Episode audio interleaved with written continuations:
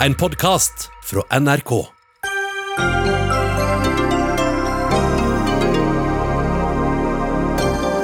Folkehelseinstituttet vil ikke endre på rådene for bruk av munnbind, til tross for nye anbefalinger fra EUs smittevernbyrå.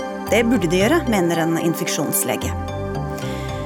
Mange studenter i helsefag lærer for lite om helseforskjeller mellom kvinner og menn, ifølge en ny rapport. Alt kan ikke detaljstyres, svarer statsråden for høyere utdanning. Stavanger kommune skal ha mobilfrie skoler. De er uansett bare til distraksjon, sier Rødts Mimir Kristiansson.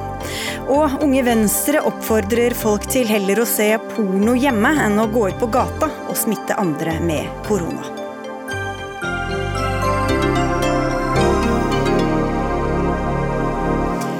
Vel møtt til dagens Dagsnytt 18 på NRK1 og NRK P2. Mitt navn er Sigrid Solund.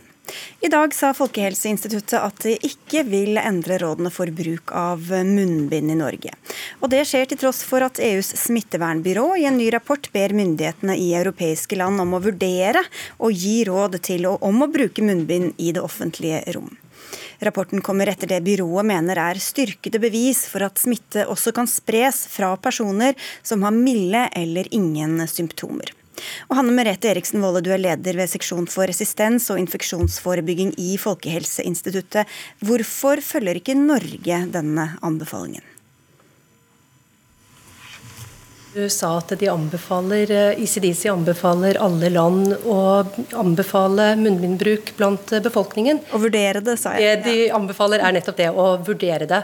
Og det gjør Folkehelseinstituttet hele tiden. Og det gjør vi fortsatt. Men vi har også fortsatt kommet fram til den konklusjonen at slik som smittespredningen i Norge er i dag, hvor vi har såpass lite smitte ute i befolkningen, så vurderer vi ikke dette som et effektivt tiltak.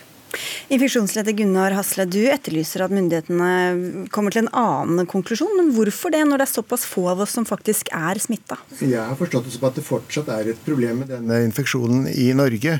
At det gjelder å, å få ned antall tilfeller. Vi er stolte over at vi har fått dette berømte reproduksjonstallet under 1, kanskje på 0,7. Men om vi kan ha et tiltak som kan få det veldig mye lavere ned, eller litt lavere ned, så vil det gå veldig mye fortere å bli kvitt viruset.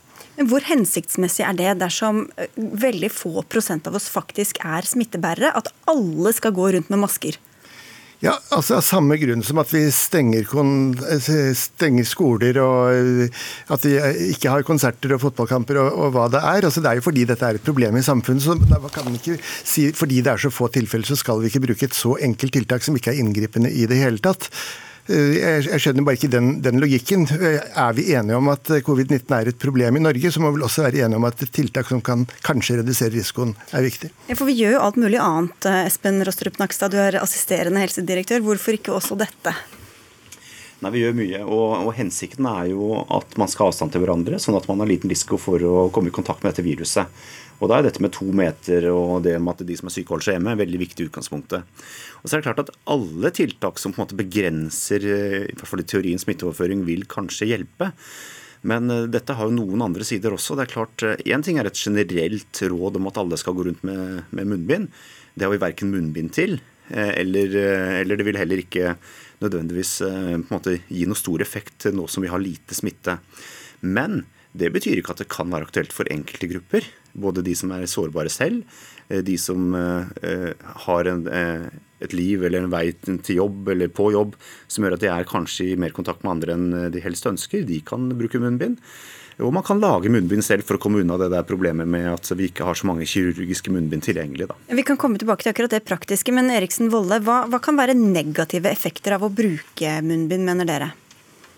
Altså for det første så er jeg veldig enig med det Nakstad sier, om at de viktigste tiltakene er jo dette med å holde avstand og ha god hoste- og håndhygiene, og det at man holder seg hjemme når man er syke. Det dette ICDC-dokumentet, også WHO-dokumenter og andre vitenskapelige produksjoner på dette området sier, er jo det at man også ser at bruk av munnbind kan gi en falsk trygghet. At man da ikke ser den samme gode etterlevelsen av disse tiltakene, som jo da har effekt. At folk går ut selv om de da er syke f.eks. Mm. osv.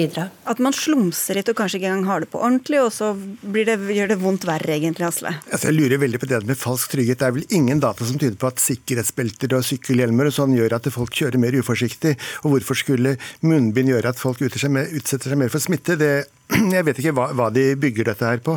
Men hvis munnbindet kan føre til at vi kan slippe litt mer på andre, mye mer inngripende tiltak, så er det kanskje bra det også. Hvis vi nå kan begynne å åpne konserter eh, hvor alle har munnbind. Og nå har vi selvfølgelig ikke kirurgiske munnbind til alle, men hvis vi kunne få det, så koster et sånt kirurgisk munnbind noen få kroner. Har du råd til en operabillett til mange hundre kroner, har du også råd til å betale en femmer for et, for et munnbind for å kunne gå på operaen. Men, men ta det, Eriksen Wolle, hva, eh, hva slags belegg er det for å si at det kan gi falsk trygghet? Nå ser vi jo at Av de vitenskapelige publikasjonene så ser man noen som viser at det også øker smitten i samfunnet ved at man bruker eh, munnbind. Eh, og man ser noen som viser at de har eh, effekt. Og så er det jo litt det som eh, man er inne på her også, at ved å bruke munnbind så kan man plutselig begynne da å gjøre en del ting som gjør at man ikke opprettholder denne avstanden, som jo er det effektive. Og så vil jeg også si at denne type munnbind vil ha en viss effekt hvis jeg har sykdommen før jeg får symptomer. Men det vil ha, veldig, ha mye mindre effekt for å beskytte meg mot andre. Så det er også greit å ha med seg i denne debatten. Asle? Ja, eh, det viktigste er det at de som er smittet, ikke sprer smitten videre når det gjelder dette med munnbind. Det er mye mer, eh, det er mer effektivt den veien. Men i prinsippet, hvis man kunne stoppe den veien helt, så ville man jo stoppe epidemien. Så Det, og eh, de, disse hjemmelagde munnbindene de, de, er en nødløsning, men de er en nødsituasjon. Og en nødsituasjon krever nødstiltak. Og det koster ingenting. Det er lett å gjøre en flott dugnad om hele befolkningen kunne sette seg ned og sy fine munnbind. Jeg må bare få vise munnbind som, ja, som kona mi har sydd. men noter på av vevet bomullsstoff. Altså, dette her er jo eh, Ja, sånn kan man bruke kreativiteten. Nettopp, her kommer det motetips. Okay, men, men Nakstad, for denne Forskningen jeg så vidt refererte til, viser da at smitte, at det tyder på at smitte kan komme også fra folk som kanskje ikke engang merker at de selv er syke, og som dermed aldri ville finne på å ta på et sånt munnbind eh, etter deres råd. da. Altså, eh, Det er helt riktig det som blir sagt at eh, munnbind er best egnet til å beskytte at den som er syk, smitter andre. Det er da det virkelig har effekt. Og så kan man jo tenke seg da at eh, hvis man er på jobb og begynner å føle seg litt dårlig, og så tar man trikken hjem fordi man ikke er helt i form, og blir sittende og nyse på den trikken, så er ikke det heldig. Det å da kunne ha tilgjengelig et munnbind å ta på seg, det er ikke noe dum idé i en sånn setting. Eller en buff eller noe man trekker foran.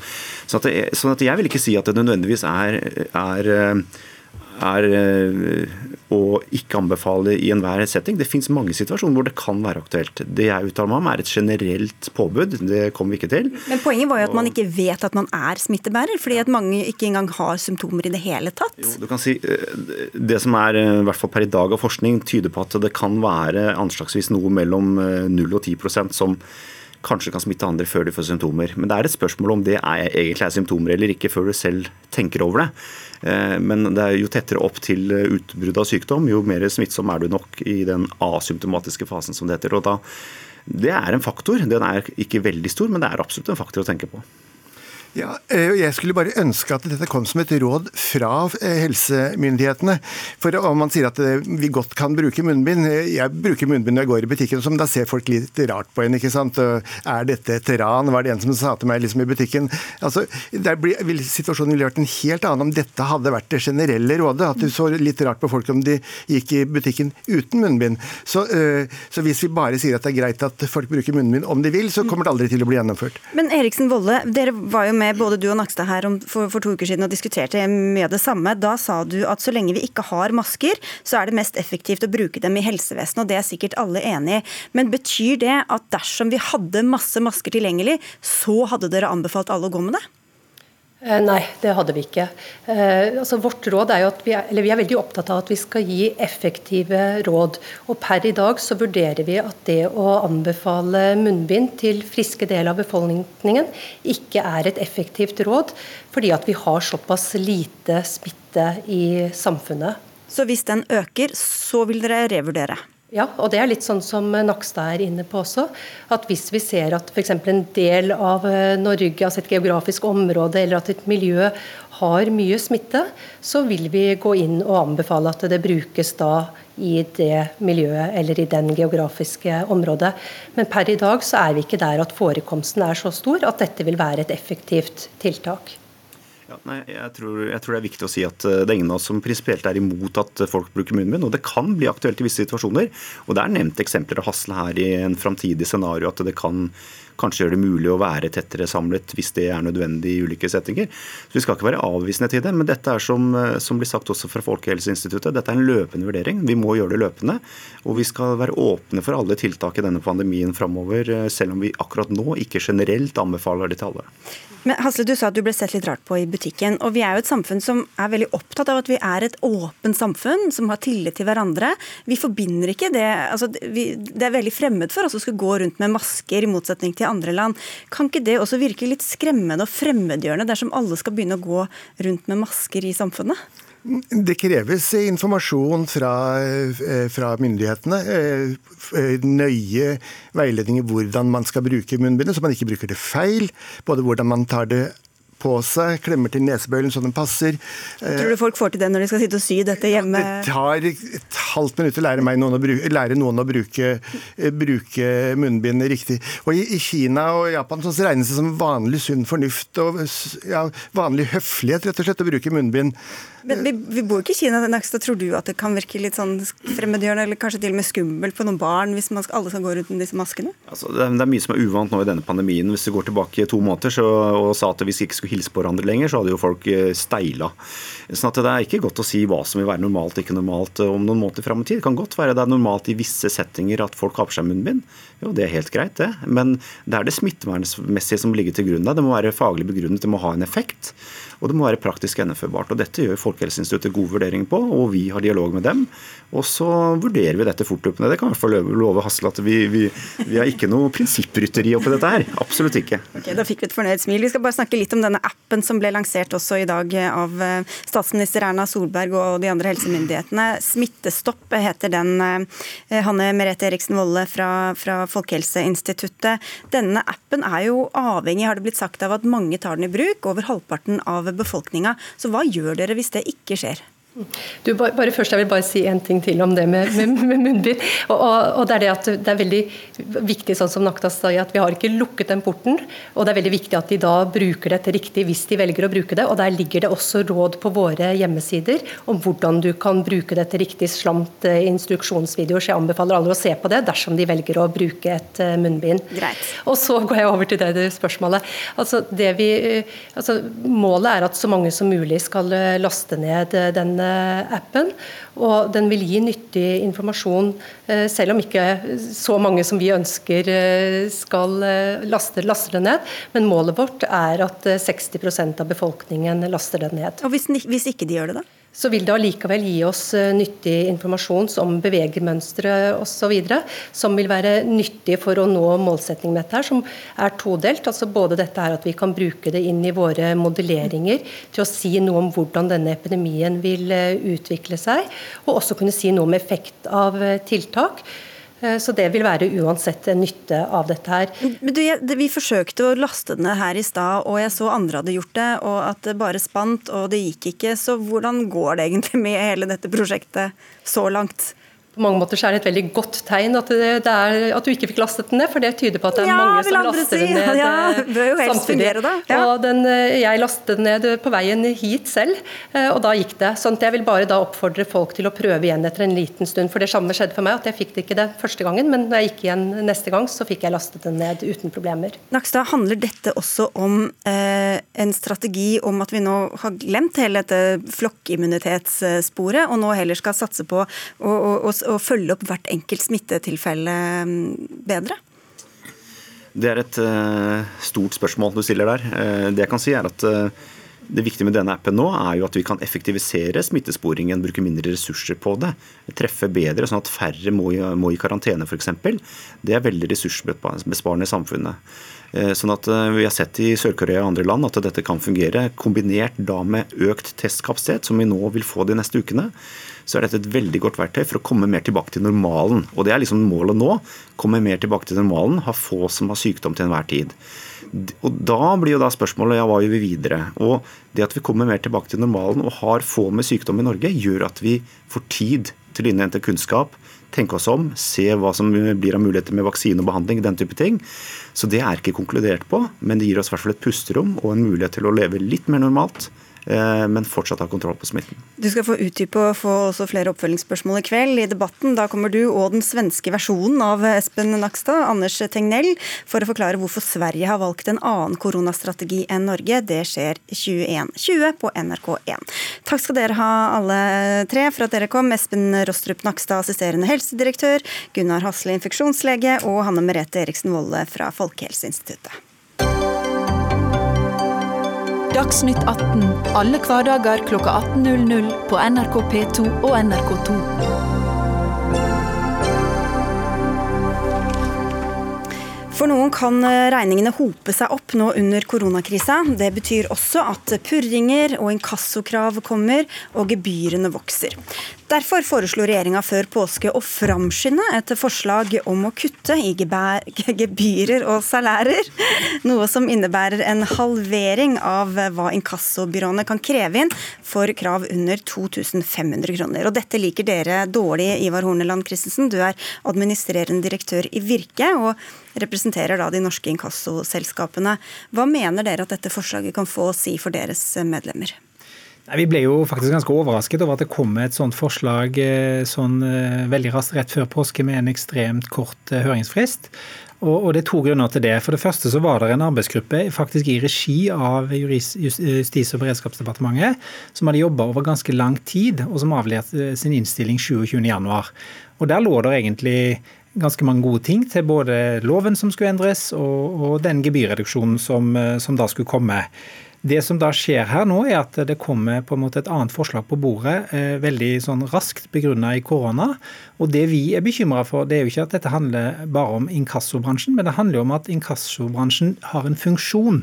Sånn at bedriftene som nå trenger likviditet, må jo ha tillit og trygghet på at de får de pengene som de har krav på. Men den arbeidsgruppa som du nevnte, den, den, den satt jo og diskuterte for et par måneder siden her i Dagsnytt 18, og da var jo også Virke imot dette. Så hva er forskjellen på det som kommer nå, og det som Virke da argumenterte mot for noen måneder siden? Det er nok ikke helt riktig det. Fordi denne gruppen jobbet jo ut et eh, stort og komplett eh, forslag da, eh, i regi av departementet. Og det vil jo faktisk innbefatte en reduksjon på to milliarder i gebyrer. Så det er ikke riktig det at ikke bransjen, inkassobransjen ser at det kommer og er innstilt på å være med på det.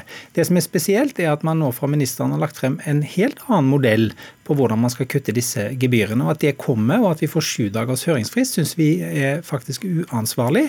Og Det vi er opptatt av, er jo den funksjonen inkasso har. At bedriftene skal ha trygghet for at de kan selge på kreditt. Og nå i koronatiden er faktisk likviditet og penger i bedriftene ekstremt viktig.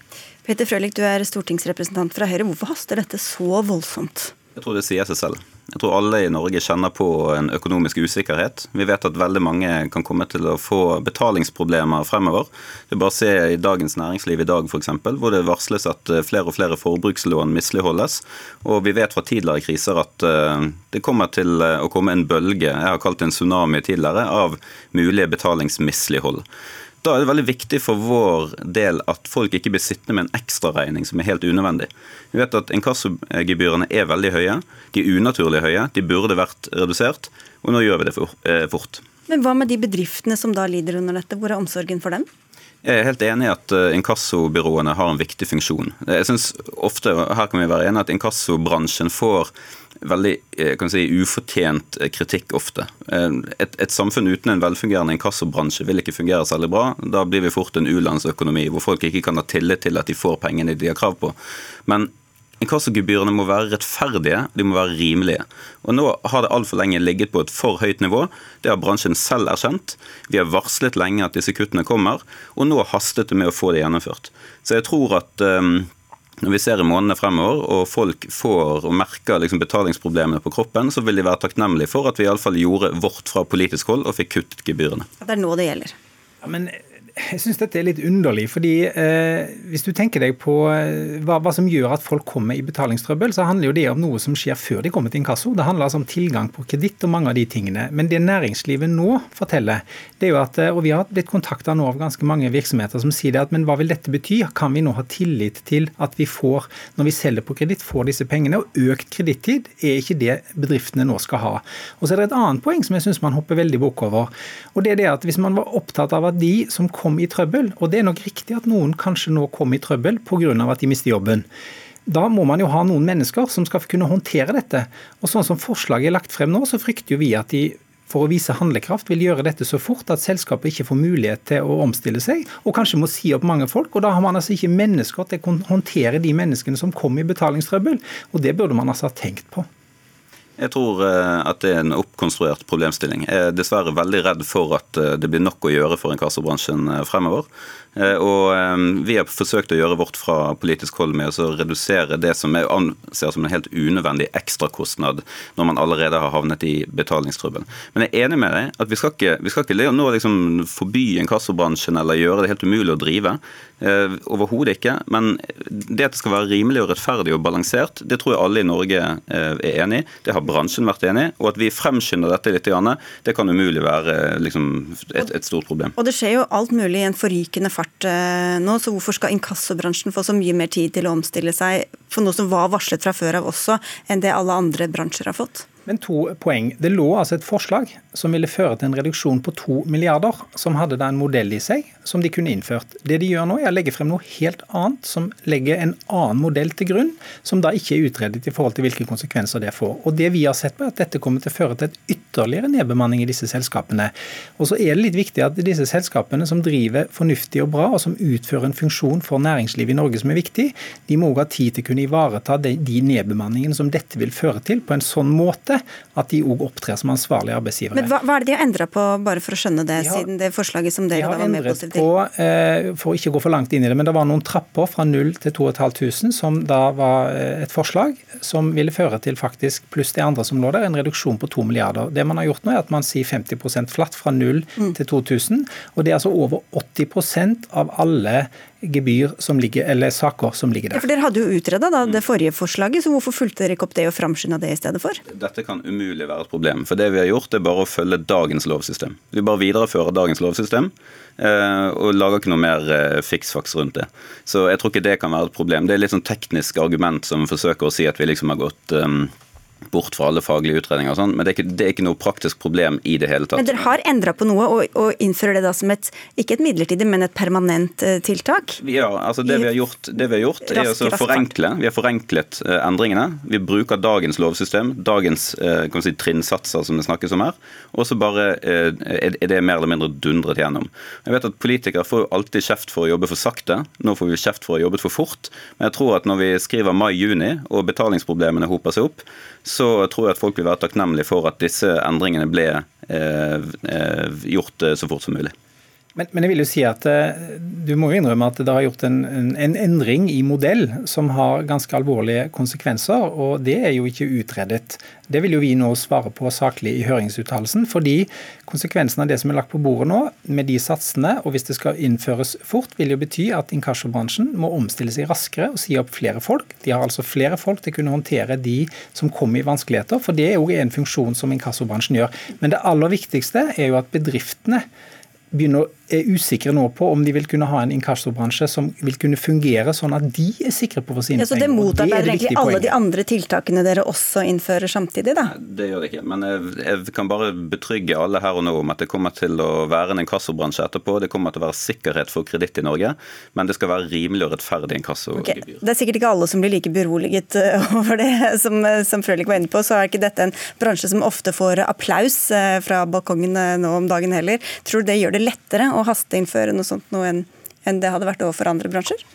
Jeg tror jo det at det har vært saker i media som har vist at, eh, at eh, folk eh, ikke har vært fornøyd med ting som har skjedd i denne bransjen. Men det, gjør, det skjer òg i andre bransjer. Men det som er viktig, vi som representerer bransjen, er opptatt av at denne omstillingen kommer, men at den må gjøres på en ordentlig måte, sånn at det er mulig å ivareta den viktige funksjonen som denne bransjen faktisk har. Og Her syns vi det går litt fort i svingene, så her er det litt mye koronamedisin på kort varsel, altså. Ok, Dere får ha takk for at dere kom, begge to. Ivar Horneland Christensen fra Virke og Peter Frølich fra Høyre.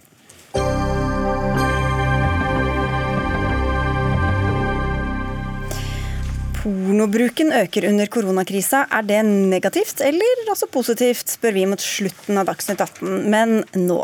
Hva lærer psykologer, leger, sykepleiere, fysioterapeuter og andre i helsetjenesten om helseforskjellene mellom kvinner og menn? Ikke nødvendigvis så mye, og det er også veldig varierende. Det viser en ny rapport fra Kilden kjønnsforskning og Sanitetskvinnene. Og det er du som står bak, eh, Trine Rogg Korsvik, du er seniorrådgiver ved Kilden kjønnsforskning.no. Og si først, hva er det du har sett på? Bakgrunnen for at vi eh, i det hele tatt satte i gang denne undersøkelsen, var jo fordi at eh, Kilden kjønnsforskning, NO og Norske kvinners sanitetsforening i 2018 eh, ga ut en rapport om hva vet vi om kvinners helse. Og den viste jo at man, det var ganske mye man ikke visste, og mye av det man visste, var ganske dårlig formidlet.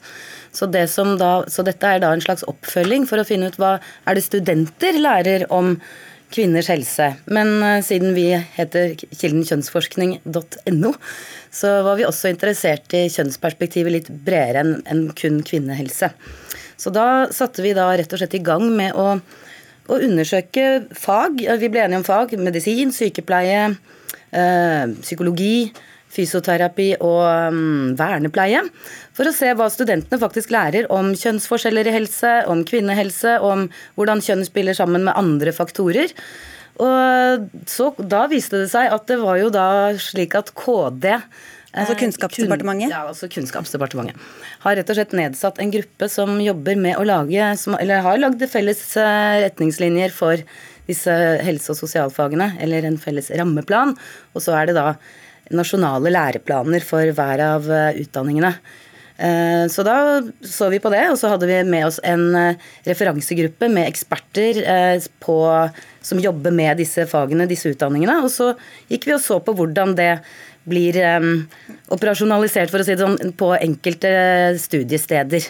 Og da fant dere ut at Da fant vi ut at, at kjønnsperspektivet i veldig liten grad er inkludert i læringsmålene. Altså, hvis Dette er ganske sånn komplisert, litt byråkratisk, men på de overordnede, det felles for alle helse- og sosialfagsutdanningene i Norge, så er det liksom ett læringsutbyttebeskrivelse, som det heter, som, om, som nevner kjønn. Altså kvinnehelse er jo selvfølgelig ikke nevnt i det hele tatt. Og Da er det at kandidatene skal ha kunnskap om inkludering, likestilling, ikke-diskriminering, uavhengig av kjønn, etnisitet, religion og livssyn, funksjonsnedsettelse, seksuell orientering, kjønnsidentitet, kjønnsuttrykk og alder, slik at kandidaten bidrar til å sikre likeverdige tjenester for alle grupper i samfunnet. Så Da ser man jo eh, kun på kjønn som en, et sosialt forhold og en, en, type diskrimineringsgrunnlag, og ikke som at man f.eks. skal undersøke kjønnsforskjeller i helse og ja. helseutfordringer. For de finnes jo, og da går vi til deg, Eva Gertz. Du er professor i hjertesykdommer ved Universitetet i Bergen, og du er overlege ved hjerteavdelingen ved Haukeland. Eh, liten kunnskap og lite system på dette. Du har lest denne rapporten. Hvor godt eh, stemmer den med din erfaring om dette gjennom mange år? Nei, Jeg er dessverre ikke, ikke, noe overrasket over eh, konklusjonene i eh, rapporten. Eh, den viser jo først og fremst at lærestedene hvor vi utdanner fremtidens helsearbeidere, de undervurderer den helsemessige betydningen både av biologisk og av sosiokulturelt kjønn. Og Rapporten viser også at vi har et gammeldags syn på kvinnehelse, og at vi oppfatter det å være sykdommer i kjønnsorganene eller eh, problemer relatert til reproduksjon. Ja, for Det er der dette kjønnsperspektivet i det hele tatt kommer inn, um, ifølge denne rapporten. Men du sier at mannskroppen er blitt behandlet som en mal, og kvinnekroppen som en slags liten versjon av den. Eh, men hvor stor forskjell er det f.eks. innen ditt felt på kvinner og menn rent biologisk? Jo, det er jo sånn at eh, når vi, når vi, snakker om biologisk kjønn, da er det altså X- og Y-kromosomene og genene på disse kromosomene vi egentlig eh, omtaler. Og Særlig gener på X-kromosomet eh, det styrer eh, funksjon både i hjerte, hjerne og immunsystem i kroppen. Og Derfor er det helt naturlig at innenfor disse deler av kroppen så spiller det en stor rolle for hvilke symptomer du får, hvordan sykdommen arter seg og hvilken behandling som er den beste om du er kvinne eller mann. Og eh, For meg som har jobbet med hjertesykdommer, så er jo kanskje det eh, enkleste eksempelet å ta her akutt hjerteinfarkt. Det er jo fortsatt den vanligste dødsårsak blant eh, norske kvinner. Og Hvis vi går til Norsk hjerteinfarktregister, som er et nasjonalt register hvor man registrerer alle i Norge som får et akutt hjerteinfarkt, så viser jo det at mens hos menn så er en akutt blodpropp som tetter en blodåre til hjertet, den vanligste årsak til hjerteinfarkt hos menn. Men 23% av kvinner som får hjerteinfarkt, de har ikke en sånn blodpropp i en åre, og heller ikke noen tett blodåre som årsak til hjerteinfarktet. Og Dette er jo et godt eksempel på at opplokking av den tette åren hos mannen med hjerteinfarkt det er en fantastisk behandling som sparer liv og lidelse. Mens da kvinnen kommer der og hun har ikke en tett blodåre som årsak til hjerteinfarktet, så er det jo helt likegyldig om man kan blokke opp en tett blodåre, for det er ikke relevant for henne. Så det... Spørsmålet er jo hva er den beste behandling da? Mm. Så dette gjelder jo både symptomer og behandling. Henrik Asheim, du er forsknings- og høyere utdanningsminister. Vi var litt inne på det. Noe ligger hos læringsstedene selv, men noe ligger også hos departementet. Eh, og hvorfor er det ikke tydeligere formulert at alle studenter innen alle disse helsefagene også skal lære om dette kjønnsperspektivet? Nei, Dette er jo faktisk et litt sånn dilemma når man skal styre også. For det første så er det sånn at Vi har laget det som nå litt uh, komplisert heter RETOS, men altså som er da retningslinjer for helse- og sosialfagsutdanningene. Nettopp fordi vi så at man hadde veldig ulik eh, sluttkompetanse eh, rundt om i landet. Så Vi har laget noen felles retningslinjer for det, og som ble lest opp her også hva dette innebærer, nemlig likeverdige tjenester uavhengig f.eks. av kjønn. I tillegg til det så har jo regjeringen med statsministeren i spissen for så vidt laget en strategi for kvinnehelse, hvor vi i år, i 2020, kommer til å utlyse 50 millioner kroner fra Forskningsrådet. Dette kan jo også gjelde menn, bare for å skyte inn det til dem som lurer på det, at de får dårligere behandling. Eh, ja. Absolutt, absolutt. Men, siden, men, men, det er et poeng at kvinne har, altså kvinnehelse, og ikke minst forskning på kvinnehelse, har vært dårligere enn på menn.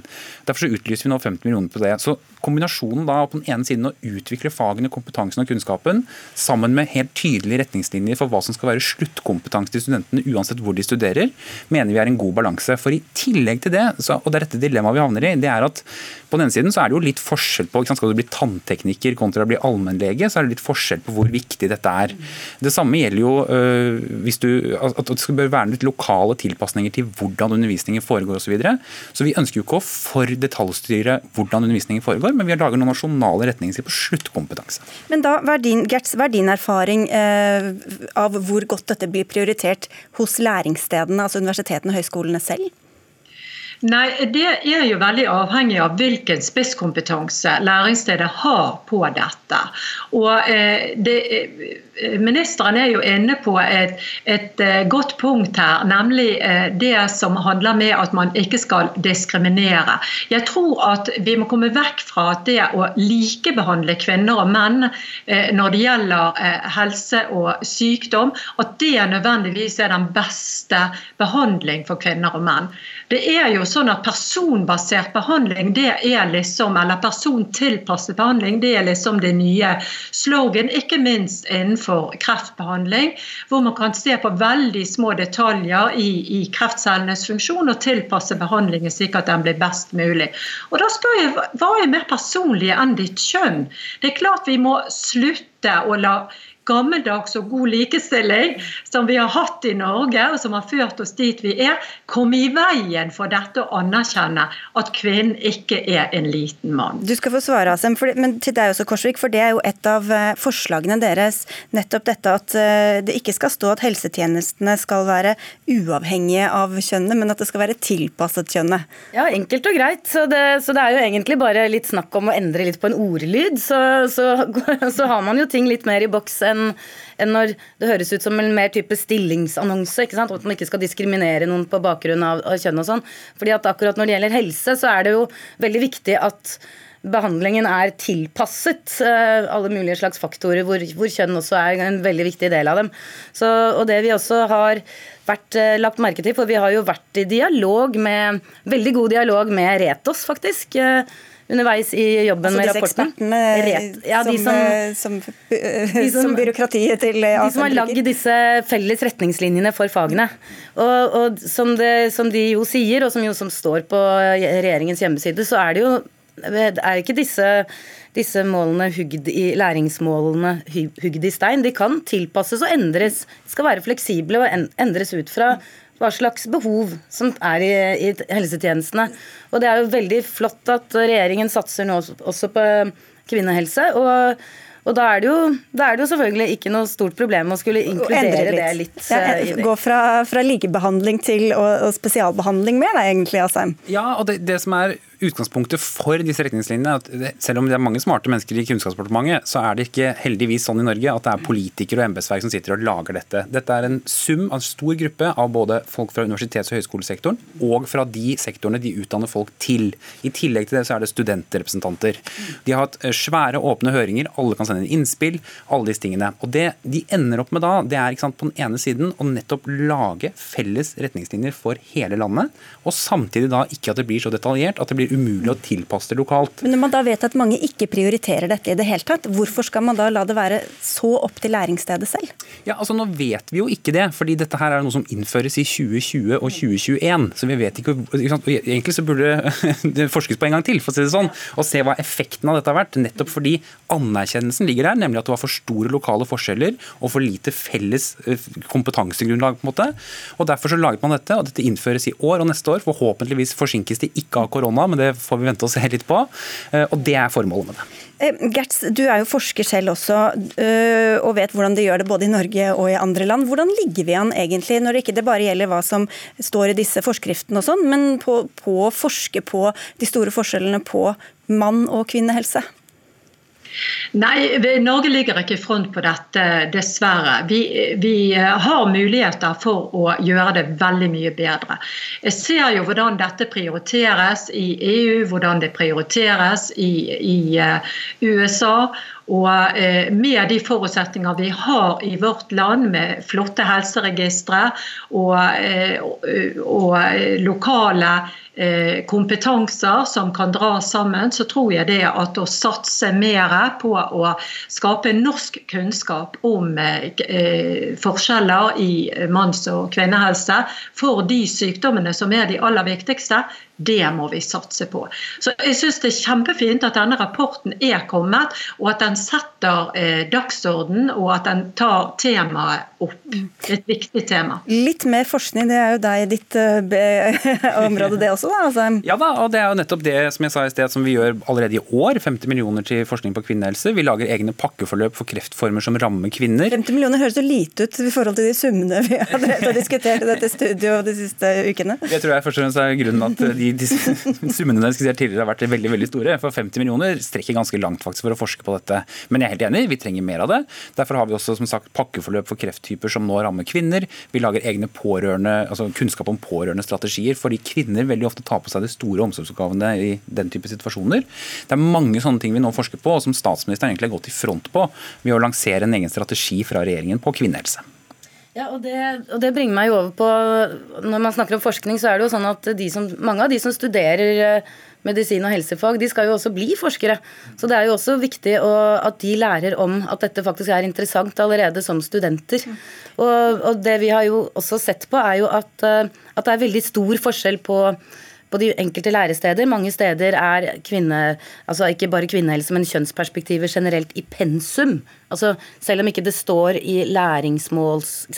Læringsmål, det er sånn Hva lærer du? Dyng, dyng, dyng, Hvor det står en sånn liste. Selv om ikke det står at kjønnsperspektiver eller kvinnehelse noe om det der, så, så, er det mange som har det om det på pensum.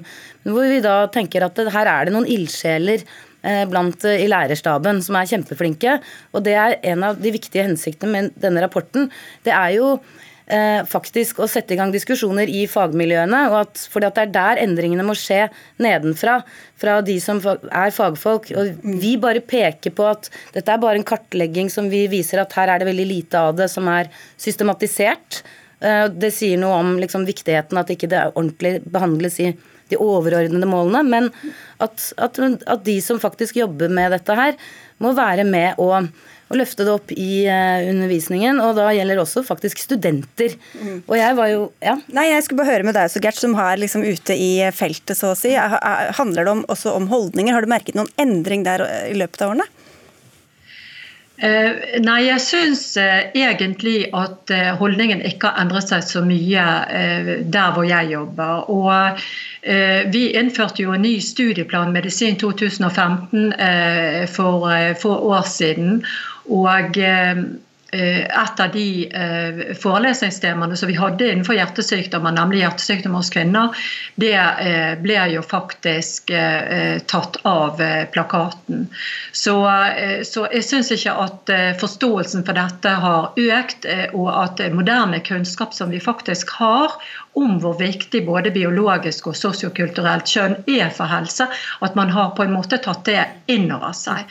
Så, så jeg tror det er viktig å fokusere på det og, og uh, sørge for at uh, undervisning som gis til fremtidens helsearbeidere, faktisk er forskningsbasert, og at den ikke er basert på ting vi fant for 20 år siden, men ting vi har nylig eh, fått kunnskap om. Høres ut som det er nok å bruke de 50 millionene på Henrik Asheim. Ja, definitivt. Men ikke minst det at vi også får noen felles retningslinjer nå, tror jeg kommer til å hjelpe. og Det skal bli spennende å se. Det er viktig at det blir likt over hele landet og at det blir eh, et skikkelig eh, helsetilbud også for kvinner.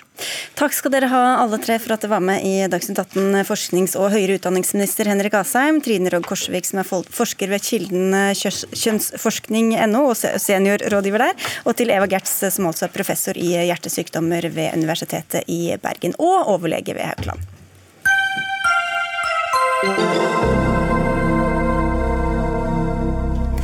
Har mobiltelefoner noen rolle i skolen, eller er de bare til distraksjon? Det siste mener i hvert fall politikere i Stavanger kommune. I går vedtok de regler for en mobilfri grunnskole i kommunen. Og hvilke regler er nå egentlig det, Mimir Kristiansson, du er kommunerepresentant for Rødt i Stavanger? Vi i Stavanger kommune har jo endelig skjønt det som veldig mange foreldre og lærere har skjønt i mange år allerede. Nemlig at eh, mobiltelefonen ikke har noe plass i klasserommet ved mindre læreren skal bruke den i undervisningen. Så det vi har vedtatt er rett og slett et ordensreglement for mobilfri skole. Der vi ønsker at skolen ikke skal være en mobilsone, ved mindre lærerne har behov for det. Og Jeg tror de aller fleste forstår at mobiltelefonen er en ekstrem distraksjon for oss alle, eh, og ikke minst for ungdom og barn. Jeg tror det er ingen grunn som jeg kan se til at barn og ungdom skal kunne få sitte med mobiler under pulten og sende snaps til hverandre mens læreren står og prøver å holde på oppmerksomheten. I tillegg så vet vi at ungene våre er enormt mye på skjerm fra før, og vi har bare godt av å ha soner i samfunnet der de ikke er på skjerm. Så vi er veldig glade for å ha gjort et sånt vedtak, og det er jo i tråd med det mange skoler i Stavanger allerede har fra før. Så da er liksom vi politikere kommer litt eh, dridlende etter, da, som vi sier i Stavanger. Men det betyr altså at når barna og ungdommene kommer på skolen, så skal de levere fra seg mobiltelefonen? Får de dem, eller får de dem tilbake i pausene, eller hvordan gjør man det?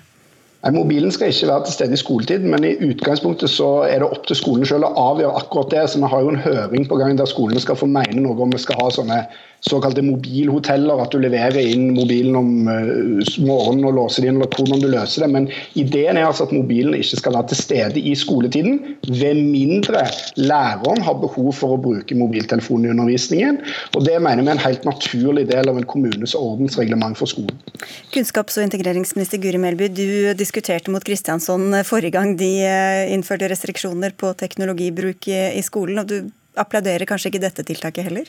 Nei, og jeg hadde jo kanskje tenkt at Kristiansson ville ligge litt lavere nå, da. For eh, de siste ukene vi har lagt bak oss, har jo vist oss at de skolene og de kommunene som har satsa på teknologi, sånn som Stavanger faktisk har gjort, er jo dem som har hatt et fortrinn nå i den perioden vi har vært inne i, med mye hjemmeundervisning. Og jeg, altså, jeg er jo helt enig med Kristiansson at det er mange sammenhenger mobiltelefon er en distraksjon, også i skolen. Men jeg synes jo at det her først og fremst er en stor mistillit da, til lærere og til rektorer, at de ikke greier å håndtere det her på egen hånd. Jeg vet jo at det er mange skoler i Stavanger som har hatt et reglement for mobilbruk allerede, som har fungert fint. Og jeg forstår rett og slett ikke hvorfor politikere i bystyret er nødt til å vedta noe sånt. Da mener jeg man fratar skolene fleksibilitet, og jeg mener også at det er en mistillit. Men da, han sier jo at lærerne skal kunne ta fram eh, mobilene når de mener det er hensiktsmessig? Ja, og jeg har jo tillit til at lærerne greier å gjøre den vurderinga uten at vi trenger å vedta det. Jeg synes egentlig Det er litt pussig at det er ofte politikerne på venstresida som snakker om at vi må ha en sånn tillitsreform, og så vedtar man denne type detaljstyring. Det er jo det motsatte av det å vise tillit. Jeg synes jo de ukene vi har lagt bak oss nå, viser at det norske lærere faktisk fortjener, det er tillit. De trenger metodefrihet, de trenger frihet til å ta disse valgene sjøl, og jeg er helt sikker på at de greier det. Ok, Hvor er tilliten til rektorene og lærerne, Kristiansson? Altså, tilliten er jo fullstendig til stede. Trenger læreren uh, å bruke mobil i undervisningen, så er det bare å ta dem fram. Men vi har altså et ordensreglement i vår kommune som de har i alle andre kommuner. Det vil overraske meg veldig hvis kunnskapsministeren i Norge er mot at kommunene skal ha politisk vedtatte ordensreglementer. I det er det masse regler for skolen. Det handler om for det handler om banning. Vi har et eget IKT-reglement i Stavanger skole, nettopp fordi vi har satsa mye på digitale læremidler for hvordan elevene skal bruke de digitale læremidlene. Det vil jo være helt merkelig dersom mobilbruk av en eller annen grunn skal være totalt fritatt fra regler i skolen. Sånn at Dette er bare en helt naturlig oppdatering av et ordensreglement som er tilpassa både en virkelighet som finnes i Stavanger-skolen. Dette er jo ikke noe vi politikere har funnet på. Det er jo som Guri Melby sier, dette har vokst fram på skole etter skole.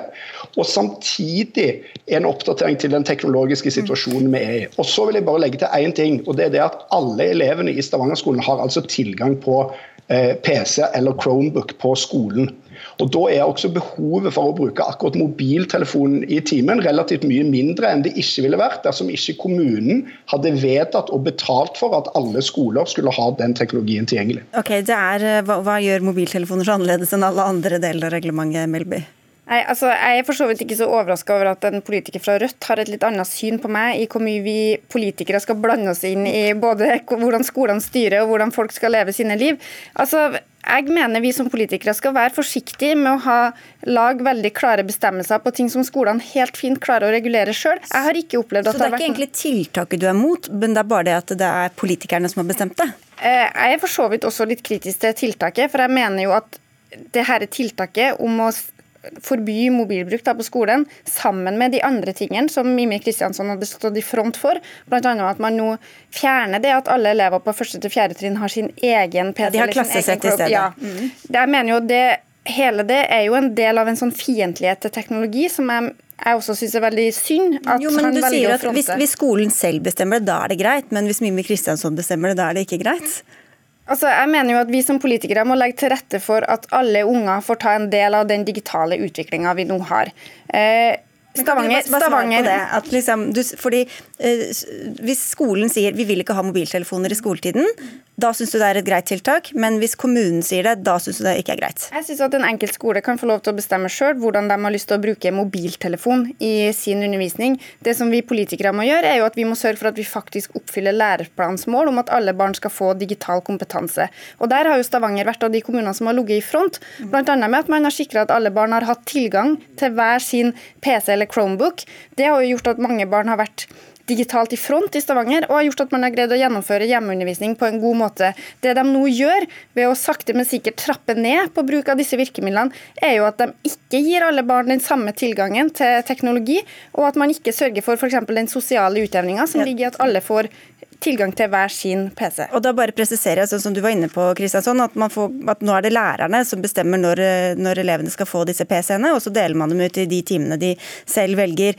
Men til denne helheten her, så virker det jo kanskje litt som Melby var inne på innledningsvis, litt paradoksalt at dere gjør det akkurat i en tid hvor vi har sett hvor viktig teknologien og kunnskapen til den er. Jeg tror de fleste skjønner at det er behov for digitale læremidler i skolen. og Vi er for at alle elevene i Stavanger-skolen skal ha digitale læremidler. Men altså så er spørsmålet skal det være fritt fram for elever i Stavanger-skolen å sitte med mobilen i timen mens læreren prøver å undervise. Er det en god måte å møte framtida på? Guri Melby har et utrolig forenkla syn på dette, som er at du bare må ha mest mulig teknologi tilgjengelig, og det er liksom det framtidsretta. Jeg tror tvert imot at møtet med digital teknologi krever regulering og fornuftig bruk. Og Da må vi lage regler og systemer for å gjøre det. Hva, hva, hva har mobiltelefonene på skolen å gjøre i det hele tatt? Jeg er lærer sjøl, og jeg kjenner at jeg faktisk blir fornærma som lærer hvis Mimi Kristiansson og andre politikere tror at en lærer ikke greier å styre det her i sitt eget klasserom, eller at en skole greier å lage egne regler for det sjøl. Tror du virkelig ikke at lærerne i Stavanger greier å kontrollere det her? Hvorfor er det da behov for et bystyrevedtak? Det er behov for et by For det første er det sånn, bare for å gjenta det, Guri fordi du forholder deg jo totalt til fake news her. For det første er det sånn, Lærerne i Stavanger bruker mobiltelefon i timen akkurat når de har behov for det. Den friheten har de. Jeg har ikke sagt noe annet heller, det. Hva sier du? Du kan ikke komme med anklager om fake news. Jeg har ikke sagt, noe annet heller. det. Nå må jeg få snakke ferdig. For det andre så er det sånn. Vi har et ordensreglement i skolen, og det omfatter selvfølgelig også dette. Og Du vet jo like godt som meg at når vi innførte Chromebooks i Stavanger-skolen, bl.a. vedtatt av ditt parti, så ble det vedtatt over hodet på alle lærerne. Så da var det greit. Da var det greit med kommunale vedtak. Mens nå er det ikke greit med kommunale vedtak, for nå er det noe du er uenig i. Mm.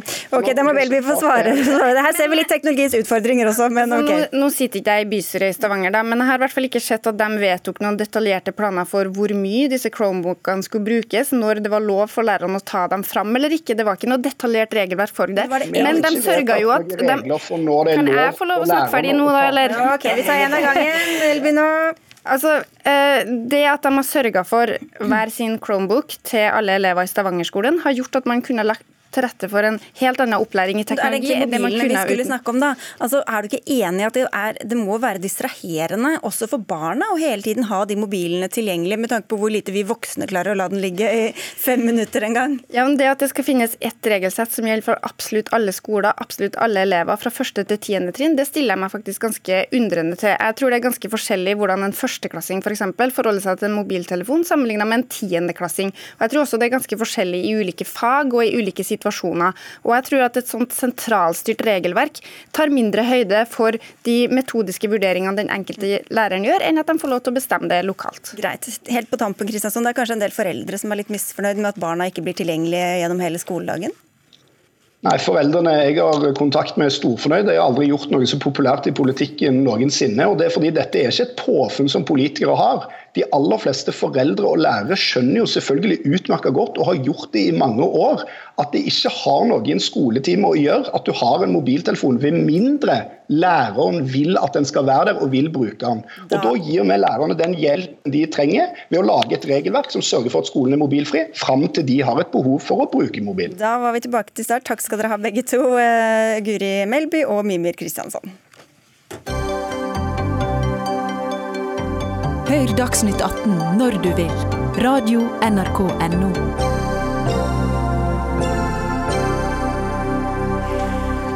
De fleste innendørsaktiviteter har fått et eh, oppsving de siste ukene, så også bruken av porno på nett. Det viser tall fra pornonettstedene gjengitt i Forbes Magazine. En av de største pornosidene tilbyr nå mer av innholdet sitt gratis, angivelig for å hjelpe folk i en tid der mange må holde seg hjemme. Debatten for og mot porno i en tid med mye hjemmekarantene har allerede gått i VG, hvor dere har oppfordra folk til å heller se på porno på nett enn å gå ut for tiden. Hanne Lein Mathisen, du er leder i Unge Venstre, så porno er et slags smitteverntiltak? Ja, ja, det er som du sier, I denne rare situasjonen som Norge er i under pandemien korona, så er det flere pornoselskaper som har tilbudt eh, gratis premiemedlemskap eh, som en del av dugnaden vi er i. Og Det er jo en spesiell situasjon, og det krever jo spesifikt at vi står opp for frihetene vi har i samfunnet, og det samfunnet vi har lyst til å ha i frie og åpne Norge. Istedenfor å moralisere porno, sånn som Rød Ungdom har gjort eh, i vår eh, kronikkdebatt, eh, så er det utrolig viktig at vi satser på kunnskap og seksualitetsundervisning.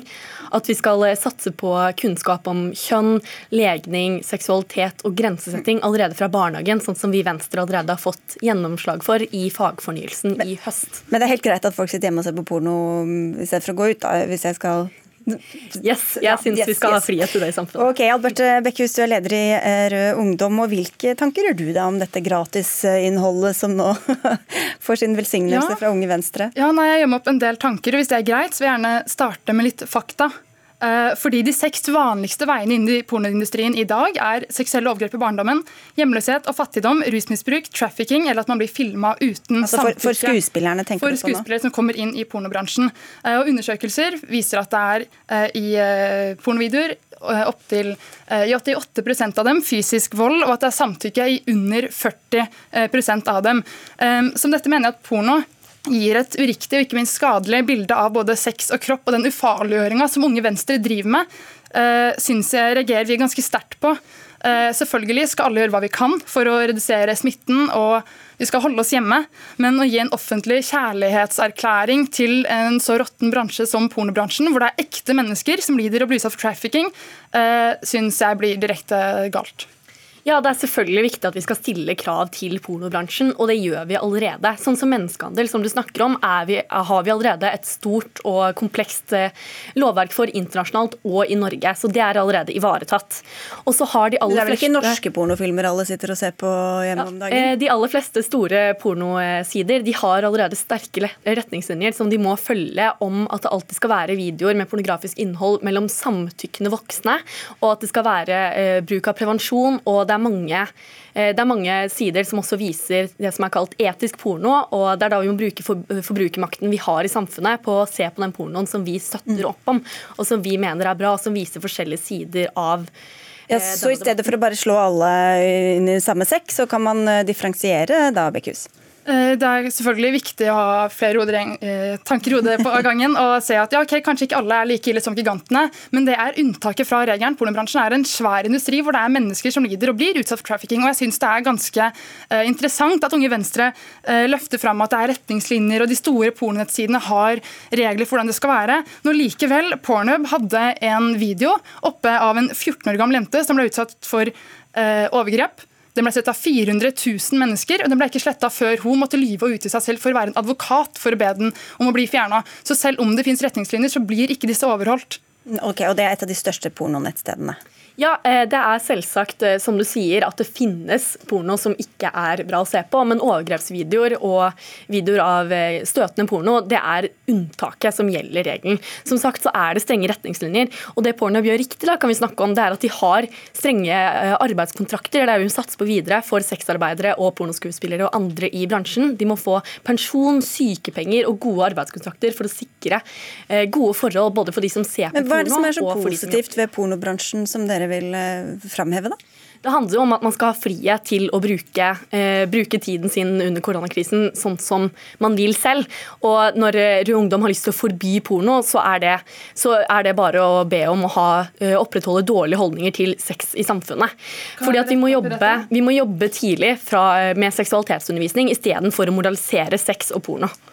Jeg vil starte med å si Selvfølgelig skal vi ikke moralisere sex. Sex er en vakker ting, om man gjør det alene eller med andre. Seksualitet er eh, en kjempegode som vi er nødt til å destigmatisere og snakke mer om. Men porno virker jo nettopp imot den hensikten der porno fremmer ofte kvinnefiendtlige eh, stereotyper, der kvinner skal være underdanige og kvinner er, og ender opp med å portretteres som objekter for menns nytelse. Det er proppfullt av rasistiske stereotyper. og um, her, du snakker om vår frihet til å se på porno. Jeg vil heller snakke om de som er i pornoindustrien sin frihet til å slippe å være undertrykt i en sånn bransje. fordi man kan ikke kjøpe samtykke. Men hvis man har bare bedre reguleringer og kontrakter osv., som Unge Venstre er inne på, da, hva da? Da vil jeg fortsatt si at man ikke kan kjøpe samtykke. Okay, så... Men det du gjør her, er å moralisere de som velger å se på porno. og det, som dere har lyst til å gjøre, Når dere har lyst til å forby porno, så tvinger dere bare hele pornobransjen eh, ut på det svarte markedet, sånn som vi ser allerede narkotikamarkedet er, som får utrolig dårlige konsekvenser.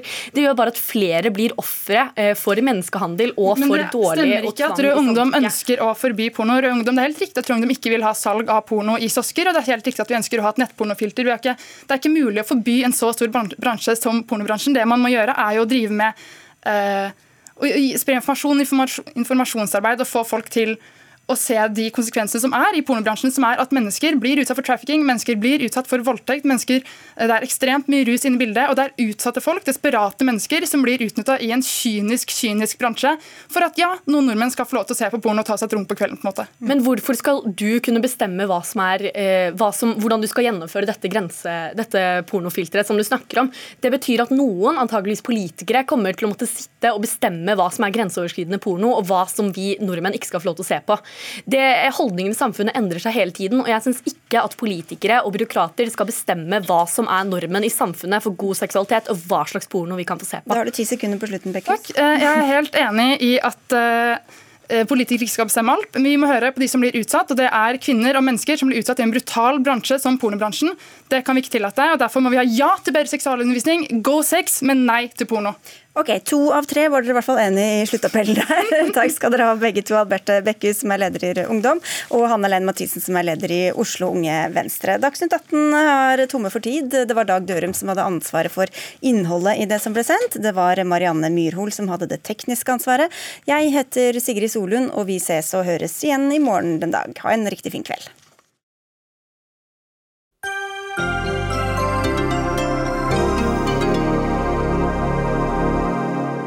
Du har hørt en podkast fra NRK. Hør flere podkaster og din favorittkanal i appen NRK Radio.